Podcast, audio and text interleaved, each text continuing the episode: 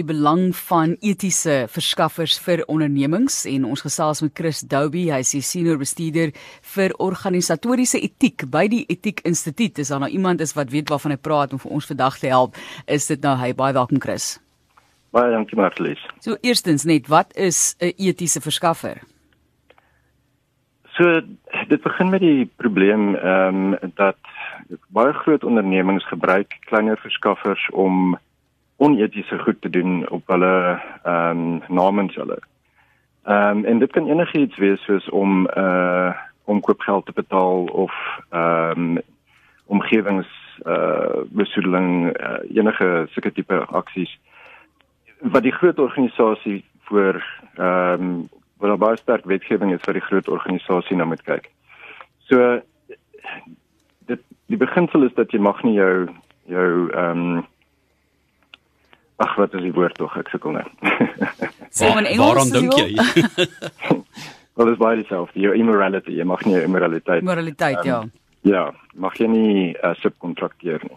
Ek wil net gevindig vra want kyk, 'n mens kan nou maar eerlik wees as jy nou so half soos mense sê van die rekord af gesels met baie entrepreneurs en sakepersone, dan hoor 'n mens maar gereeld, jy gaan nêrens kom as jy nie daar 'n paar rand neersit of hoe dit ook al sê nie, dis is 'n aardige ding om te moet sê, maar hoe algemeen is dit, sien jy?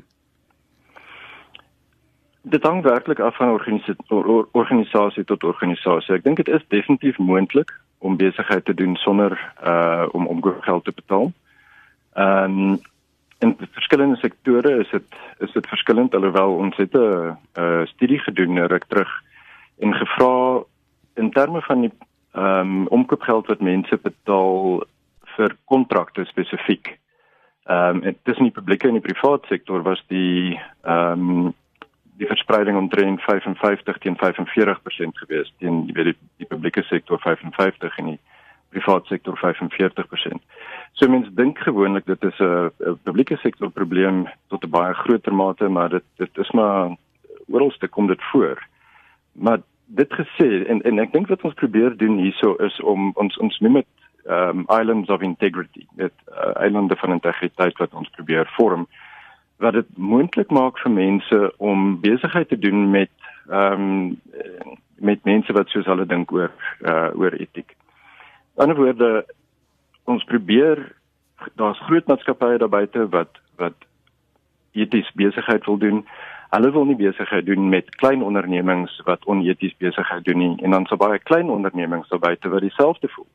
En hulle wil nie uh, omkoopgeld betaal om besigheid te doen met groter ondernemings nie. So dit is om hierdie mense bymekaar uit te bring en ehm um, dat hulle dieselfde taal begin praat wat ons hierdie uh, kursus ontwikkel het. Ons het 'n uh, uh, ethically aware supplier induction, so eties bewuste verskaffersinduksie program. Nou Chris, ek sien julle praat ook van die feit dat jy in daai program mense wil oplei oor etiek en etiese gedrag. Maar nou vra ek vir jou voordat ons ons verder gesels oor hoe dit werk en die feit dat jy 2 jaar het in Swan wat waar jy dan as eties geakkrediteer is, maar kan 'n mens dit leer of is dit 'n morele probleem? Is dit is dit moreel of kan jy iemand afrig om eties te wees, oplei om eties te wees? Ja, ek meen dit is altyd 'n 'n groot gesprek. Ek dink dit is ehm um, dis moontlik om om mense te kry om vooruit te dink oor wat gaan hulle doen in 'n spesifieke situasie. Maar as hulle in daai situasie is, dan is dit maar 'n 'n 'n vraag van ehm um, karakter en hoe hulle gaan optree in 'n situasie. Jy kry 10% van mense wat altyd die regte ding doen. Jy kry 10% van mense wat ehm um, altyd gaan probeer om voordeel te trek uit 'n situasie. En dan kry jy die 80% van ons wat in die middel is. Nou my on, ons probeer altyd daai 80% beïnvloed. Ehm um, ons probeer 'n omgewing skep waar dit makliker is vir daai 80% om die regte ding te doen eerder as die as die verkeerde ding te doen. So ehm um, ons sê ook nie dat 'n organisasie wat nou ons program gedoen het eties is nie. Ons sê hulle is eties bewus. Ehm um, op die einde van die dag kom dit nog steeds op daai persoon se besluit af hoe hulle dit gaan doen, maar eh, die groot organisasies het baie keer uh kodes vir hulle verskaffers. Uh omdat hulle so baie wetgewing het waaraan hulle moet voldoen, het hulle kodes wat hulle hulle verskaffers vereis om aan sekere standaarde te, vo te voldoen. Maar gewoonlik teken daai verskaffer maar net daai kode en die ding word daar gelaat. So wat ons sê is kom ons maak net seker dat mense mooi weet wat dit is wat hulle teken en dat hulle mooi weet wat dit is wat ehm um, vereis word uh in terme van al die etiese standaarde en en verantwoordelike besigheidspraktyke. Chris, ehm um, interessant genoeg die etiek vir instituut het onlangs ehm um, by monde van professor Dion Rassou, julle hoofuitvoerende beampte daar by die hmm. etiek instituut gesê maar dit is eintlik easy om eties te wees. Dit is maklik, maar breek vir ons 'n bietjie die woordjie easy af die akroniem. So dit is die die ethically aware supplier induction program.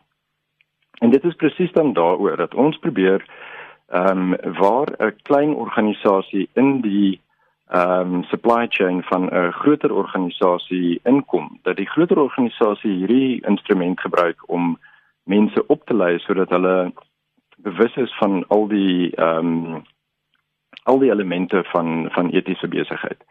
En daai elemente sluit dan in ehm um, ons ons noem dit uh, om besigheid te doen met integriteit. So dis die eerste komponent. Uh, en dit gaan dan oor al die omkoopgeld, korrupsie ehm um, en en om vertroue te bou uh, as 'n verskaffer.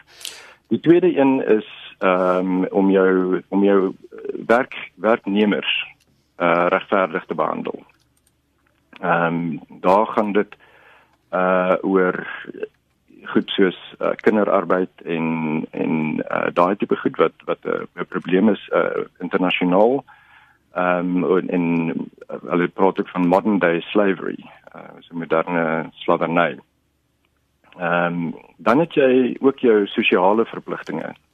So hoe hanteer jy jou ehm um, kliënte ehm um, om konfidensialiteit van van mense se inligting uh, om nie skade te doen ehm um, binne binne die samelewing nie. En dan die laaste ding is dan die die omgewings uh, aspek.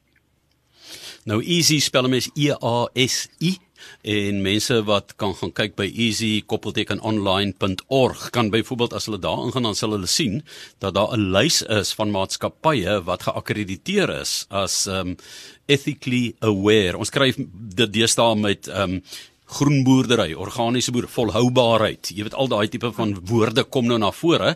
So vir 'n paar mense wat dalk verkrygingsbestuurders is, hulle sal uh, dalk belangstel hierin. Vertel my net gou van hierdie program. Is dit 'n interaktiewe program? Waar het bestaan dit? Ja, ons het baie tyd spandeer um, om die program regtig interaktief te ontwikkel. Ons on, ons weet dat dit is ehm um, meestal die wel vir ons is dit belangrik dat dit die bestuurders van klein ondernemings is wat die wat die program doen. Ons wil nie hê dat ehm um, 'n uh, uh, 'n junior ehm um, persoon in die organisasie die die opleiding moet doen nie. So met ander woorde dis die, die bestuurder van die organisasie moet die opleiding doen en ons wil nie alle tyd mors nie. Ehm um, ons het ongelooflik baie tyd spandeer om 'n baie beknopte wel 'n program daar te stel wat interaktief is. So daar's baie animasie daar's oefeninge wat ehm um, wat mens sal doen ehm um, wat jou wat jou toets soos wat jy deurgaan ehm um, en jy bly die heeltyd ehm um, ja engaged met met wat jy doen. So dis omtrent 'n 2 tot uh, 2 en 'n half uur program ehm um, waarin mens ongelooflik baie ehm um, van die van die materiaal dan uh, deurgaan. Goed, jy sê hulle wil uh mik op bestuurders, sal die bestuurders dan die etiek verder moet deurvoer na die uh maatskappy besigheid uh hoe ook al.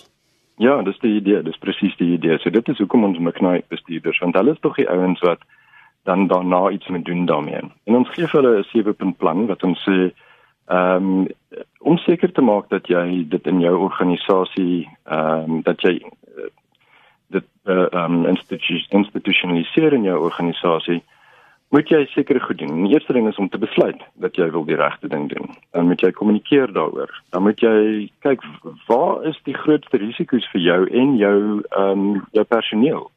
Waar is die goed wat hulle op kan verkeerd gaan? En dan vir hulle riglyne te gee oor daai spesifieke goed. En dit is dan tipies 'n uh, etiese kode wat jy sal bymekaar sit as 'n organisasie.